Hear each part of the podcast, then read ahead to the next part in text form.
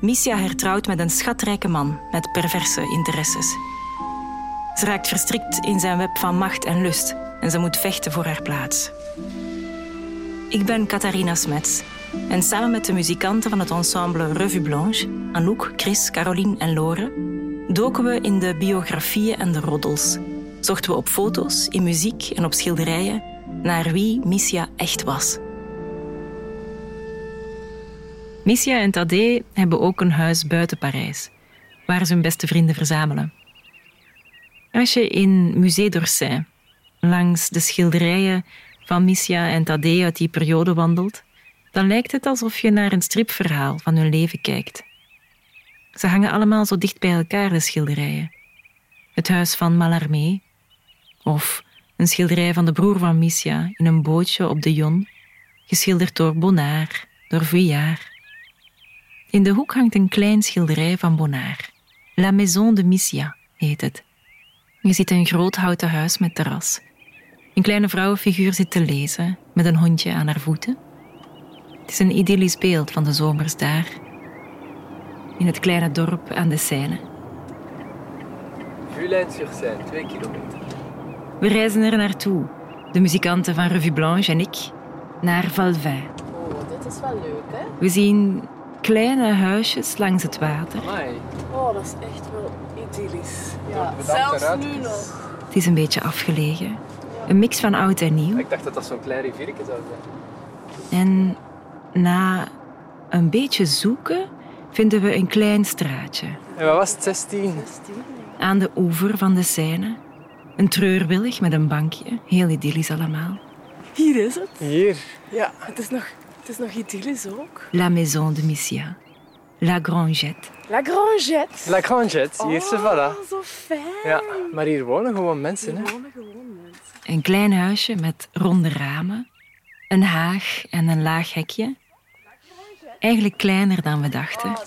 We gaan aanbellen, hè. Maar ja, tuurlijk. We bellen aan.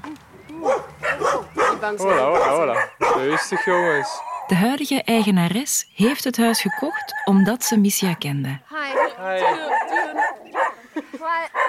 Wauw. In de living, achter een paneel op de schoorsteenmantel, verborgen, Chris moet het paneel opzij schuiven, Nee. zien we schetsen van Toulouse-Lautrec op de muur getekend. Maar enfin. En dit is Toulouse-Lautrec. Het zijn karikaturen, stokkenmannetjes, in potlood. Ik zie de kont van een eh, gigantisch dikke vrouw. en ik zie een beetje, een beetje klungelig getekend eh, meneertje dat een beetje op een ezel lijkt. Ja, is eigenlijk eerst een paardje. ja. Getekend op een zatte avond, zo lijkt het wel. Ja. Oké. Vooral het gezelschap van Lautrec moet vermakelijk geweest zijn. Op de schetsen die hij maakt in die tijd zie je het hele gezelschap zwemmen in de rivier. De vrouwen zijn volledig gekleed, een beetje preuts. Lautrec niet. Alleen zijn blote kont steekt boven het water uit. Ja, en er was nog een andere sport die hij meesterlijk beheerste, tot zeer groot genoegen van mij. De spelregels waren als volgt.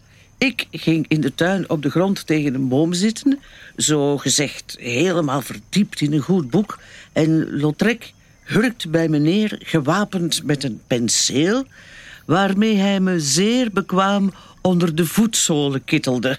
Uren aan een stuk soms. Ik deed net alsof hij op mijn voetzolen denkbeeldige landschappen uitzette. Ja, we waren allebei nog jong en Lautrec kwam met de gekste voorstellen op de proppen. Op een ochtend schrikken Missia en Tadé wakker omdat Lautrec vanuit zijn slaapkamer met een tweeloop op spinnen zit te schieten. De dichter Mallarmé heeft een huis naast het jonge koppel. Vaak komt hij bij hen s'avonds op bezoek, met in één hand een lantaarn en in de andere een fles rode wijn. Aan tafel praatte hij liever niet over literatuur, maar vertelde hij weer de prachtigste verhalen om mij te amuseren. Oh, wat is er toch lief, zei hij dan, zelf stikkend van het lachen. Missia en Mallarmé wandelen veel samen. Dan vertelt de dichter schitterende dingen over constellaties, dromen van prachtige woorden, geschikt als sterrenstelsels. In ruil voor zijn sprookjes speelde ik voor hem piano. Nooit had ik zo'n geweldige toehoorder gehad. Hij wist echt als geen ander te luisteren. Hij was de enige die me, als ik een stuk speelde dat me zeer na aan het hart lag, het uitzonderlijke gevoel gaf dat ik er voor het eerst kennis mee maakte. We hadden een voorliefde voor Beethoven en Schubert. Dan stak hij zijn pijp op en verzonk in stilzwijgen.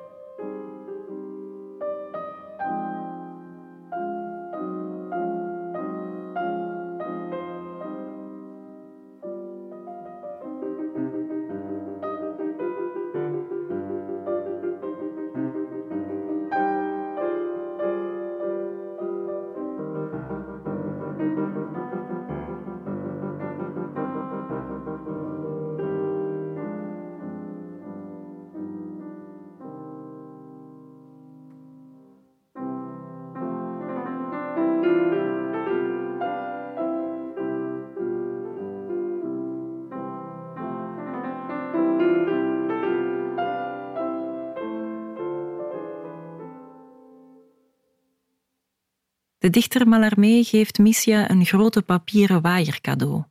En daarop schrijft hij een tekst. Elle que du papier déploie, bat toute, si t'initia, n'acquérait à l'orage de la joie de son piano, Missia.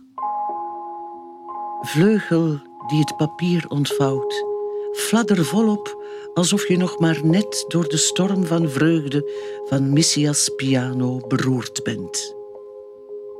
De waaier met het gedicht is een van de enige dingen die Missia heeft bewaard. Zoveel is met de tijd verdwenen. Verdwenen, zoals zoveel mooie dingen die voor mij gemaakt zijn of door mijn handen zijn gegleden. Maar ik heb nooit de minste gewetenswroeging gehad over het feit dat veel mooie gedichten verloren zijn gegaan. Dat tientallen tekeningen van Toulouse-Lautrec, gemaakt op mijn menukaarten met de kruimels van het diner van de vorige avond uit mijn eetkamer zijn opgeveegd. Dat niemand er ooit achter zal komen in welke lade ik het sonnet van Verlijne heb verstopt, waarin hij me vertelde waarom ik een roos was. Het werd me allemaal gegeven als bossen bloemen. Ik was twintig jaar en ik was er vast van overtuigd dat het bestaan leek op de verhalen die Mallarmé me vertelde. En de gedachte om alles waar het leven me dag in dag uit mee overladen te rangschikken, in te lijsten, te bewaren, zou me net zo belachelijk of oneerbiedig hebben geleken als het drogen van de mooiste bloemen, het opprikken van een vlinder op een kurk.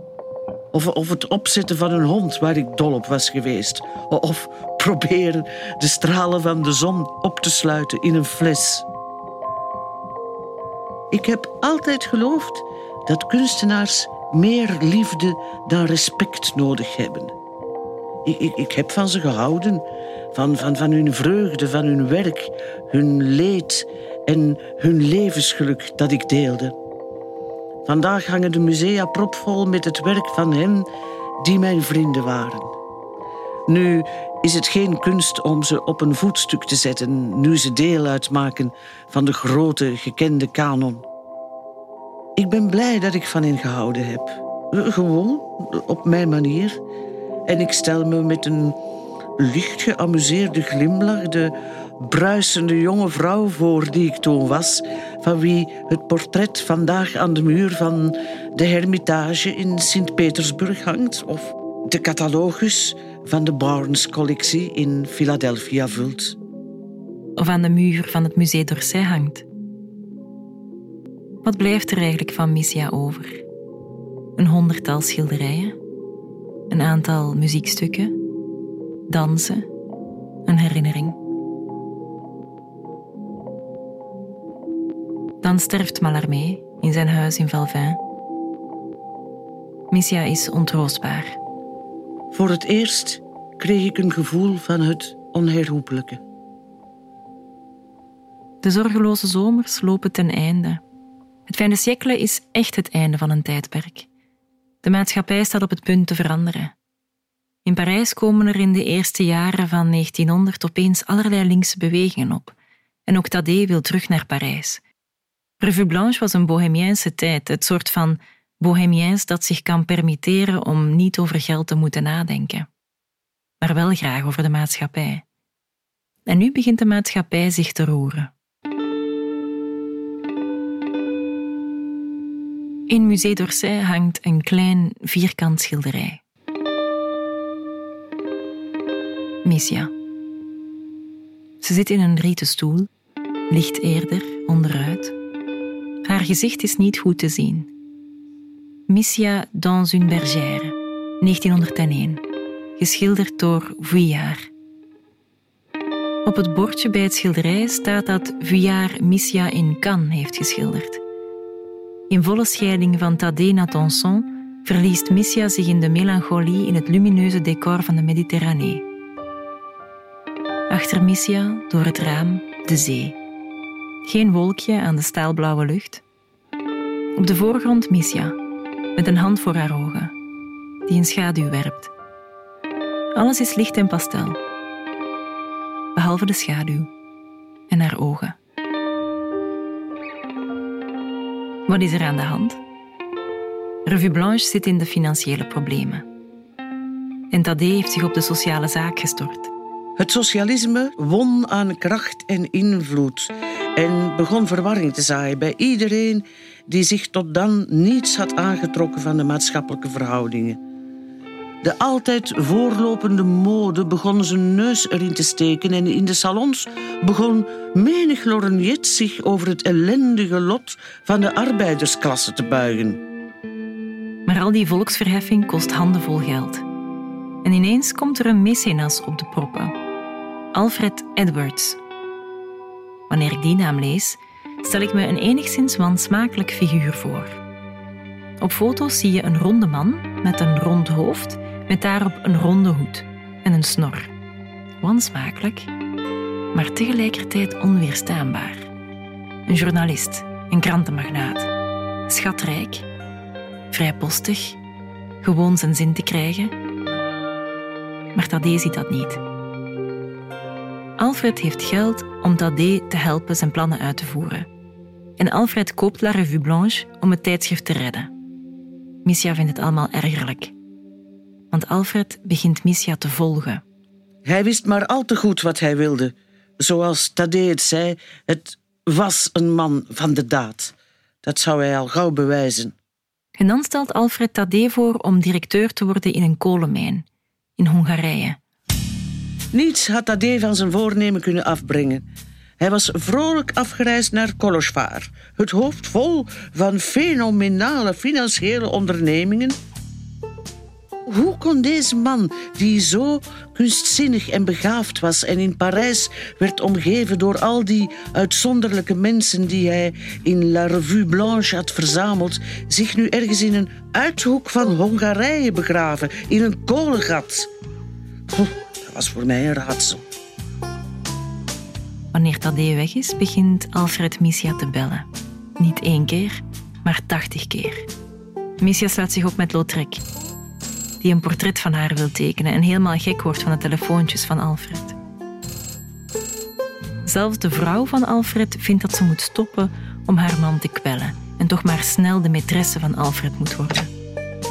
Missia vindt het allemaal wansmakelijk en pakt snel haar koffers en vertrekt met de Orient Express richting Hongarije naar Tadé.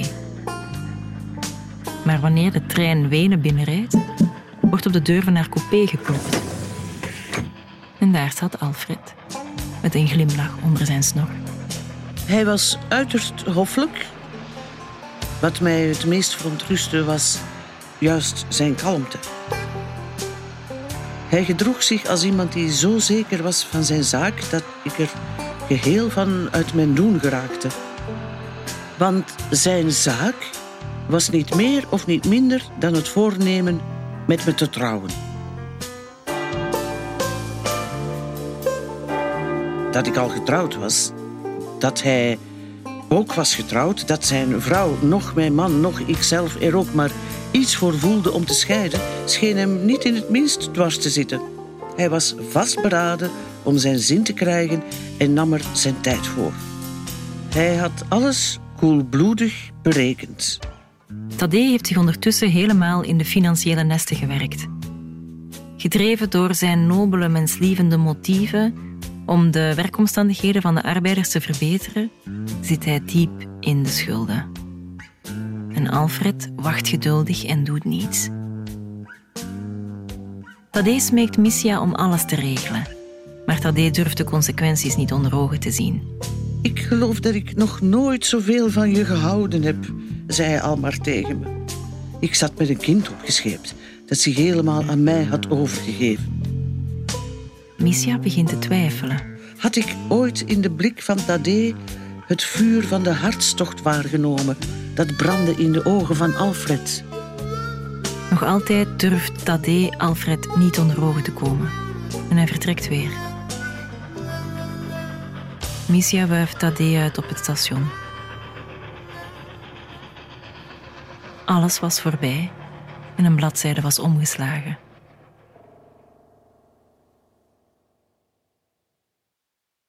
Eens ze getrouwd zijn en weer in Parijs, ziet Missia haar oude vrienden terug. En ze krijgt er de vrienden van Alfred bij.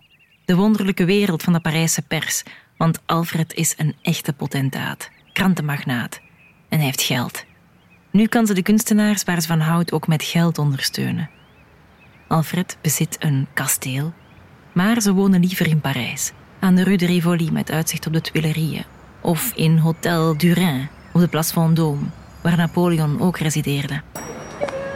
En ze hebben zoveel geld dat geld eigenlijk niet meer van belang is. Samen met de muzikologe Sophie Thijs, die heel veel weet over de Belle Époque, wandel ik in Parijs aan de oevers van de Seine op Ile de la Cité, in de schaduw van de Notre-Dame. Want hier lag vroeger een boot. De Rue Rivoli is hier vlakbij. En toch, je daalt hier langs de koude trappen af naar het water. En je stapt alweer in een andere wereld. Die er niet alleen anders uitziet, maar die ook andere geuren en kleuren en geluiden heeft. Grondbezit betekent niets voor Missia. Ze heeft liever een auto en een koffer vol geld. Of nee, een boot. Liever een boot dan een kasteel. En ze vraagt aan Alfred om een boot voor haar te bouwen. En dat doet hij. En hij doopt de boot Aimé, naar de initialen van Missia Edwards. Blijkbaar hield ze op die boot ook wel eens ravissante en lavissante excursies, hè, waar ze haar vrienden en de beaumonde op uitnodigde. Maar misschien dat ze zich toch vooral graag terugtrok. De zwanen komen hier voorbij gedobberd in hartje Parijs. Ja. Het was waarschijnlijk de periode in mijn leven waarin ik alles had wat het hart van een vrouw maar kan begeren. Er bleef werkelijk niets te wensen over. Toch herinner ik me een zondagochtend waarop ik nonchalant heen en weer deinend in een schommelstoel op het dek van de Aimé treurig naar de zon keek die over het water van de Seine speelde. Terwijl ik poogde een verscheurd gezicht op te zetten, zei ik tegen mezelf: Mijn God, mijn God, zal mijn leven altijd zo ongelukkig en kleurloos zijn? Ja, dat is, dat is zo tekenend. Hè? Ze zet zichzelf voor de spiegel. Hè? Ik poog een verscheurend uh, gezicht op te zetten. Ja, ze weet het eigenlijk van zichzelf al dat de tragiek waarmee ze zich soms omgeeft, dat dat eigenlijk een gewilde tragiek is en een gewenste tragiek die haar als personage kleurvoller maakt.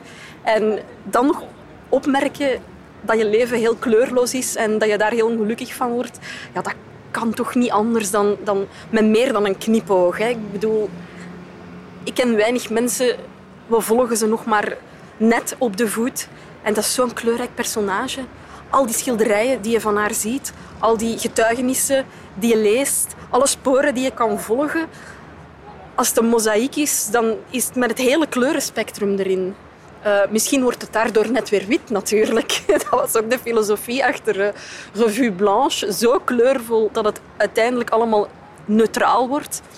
Maar Missia is geen neutrale figuur. Dat is iemand van pieken en van dalen en van alles of niets. Van heel het hart. En als het dat niet is, dan kon het wel eens méchant worden. Volgens mij. Missia's oude vriend Auguste Renoir stelt voor om een nieuw portret van haar te schilderen. In haar volle rozige glorie. Missia installeert zich braaf in haar roze jurk, met haar haar in een brioche op haar hoofd en een pony op haar voorhoofd. In een grote stoel waar ze een vaste pose aannam.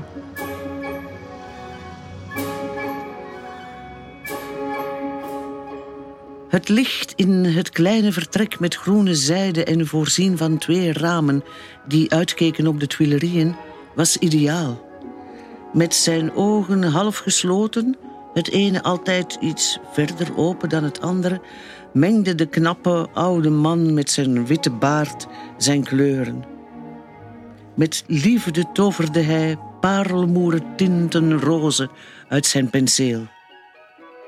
Renoir hield van het licht in Missia's tuin, de Tuilerieën, en van haar décolleté. Dan hield hij ineens op met schilderen.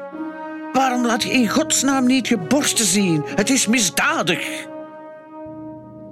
En dan opeens duikt een jonge actrice op. Geneviève Lantelme. Een jonge actrice die grotere bekendheid genoot in de demimonde dan op de planken. De demimonde is een schemerwereld aan de rand van de hogere kringen. Een rand van verarmde adel, theater, prostitutie. Demimondainen strekken zich niet veel aan van de burgerlijke moraal. Maar anders dan de bohemiens waar Missia toe behoorde, is het niet in teken van de kunst, maar gaat het over consumeren, drank en drugs, dure kleren, geld, seks. En om het allemaal te betalen hebben ze rijke minnaars nodig. En uit die schemerwereld duikt ze op, Lontelme. Het is een vrouw die ik terugvind op postkaarten uit die periode. Nieuwjaarskaarten, kaarten voor eenzame mannen, reclame voor hoeden, zeep.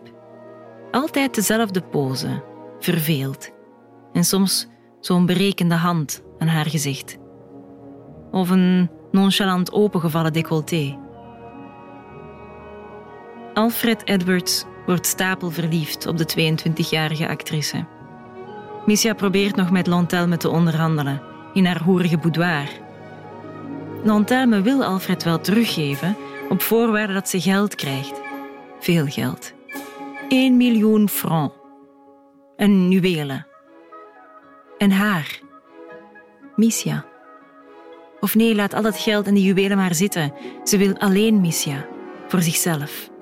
Lontelme kijkt Missia brutaal aan. Ze wil alleen Missia bezitten en dan zal ze Alfred laten gaan. Missia is helemaal van slag. Vernederd. Verward. En dan razend.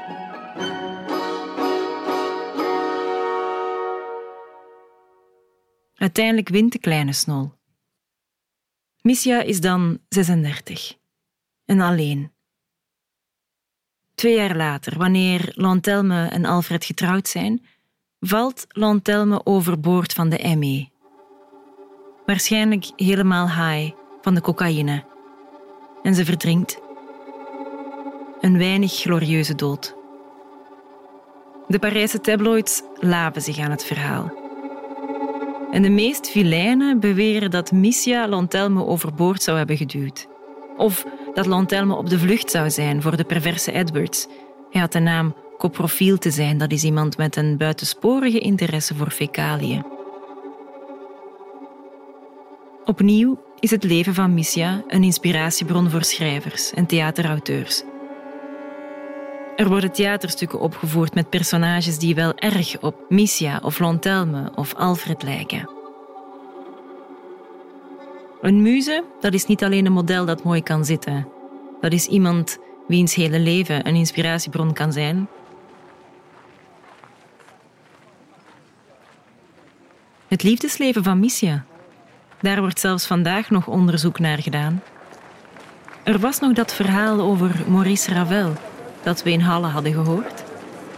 Dat hij wel zeer geïnspireerd zou zijn door Missia.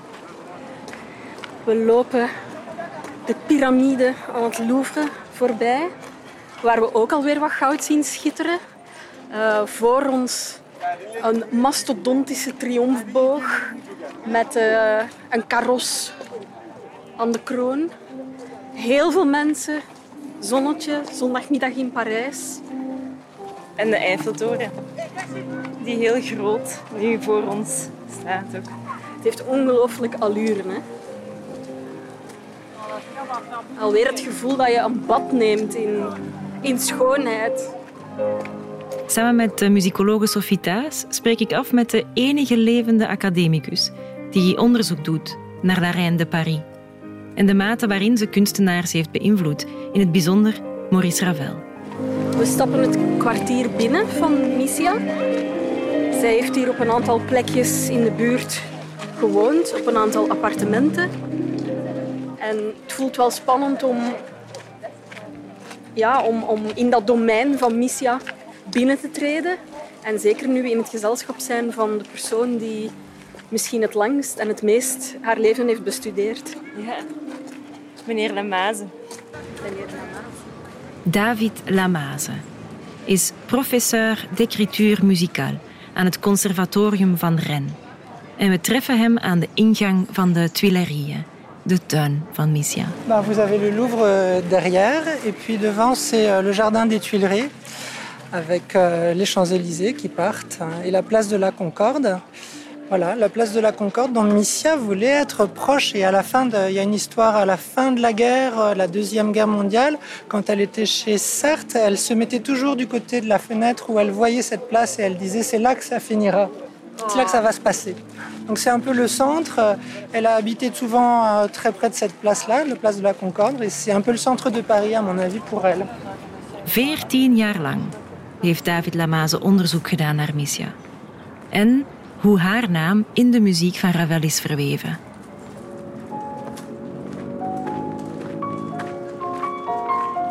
Mon début de chemin avec Missia, c'était comme ça.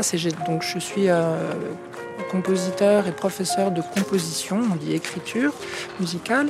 C'est un peu comment les styles fonctionnent de chaque compositeur. Et euh, euh, un soir que je relisais la sonatine de Ravel, ce La Sol Mi, La Sol Mi, La Sol Mi, qui dure pendant une page, deux pages, est très répétitif. Je retrouvais en fait euh, un groupe de cinq notes, donc ça fait beaucoup, qui sont La, Sol, Ré, Mi, Si, mais aussi Mi, Si, La.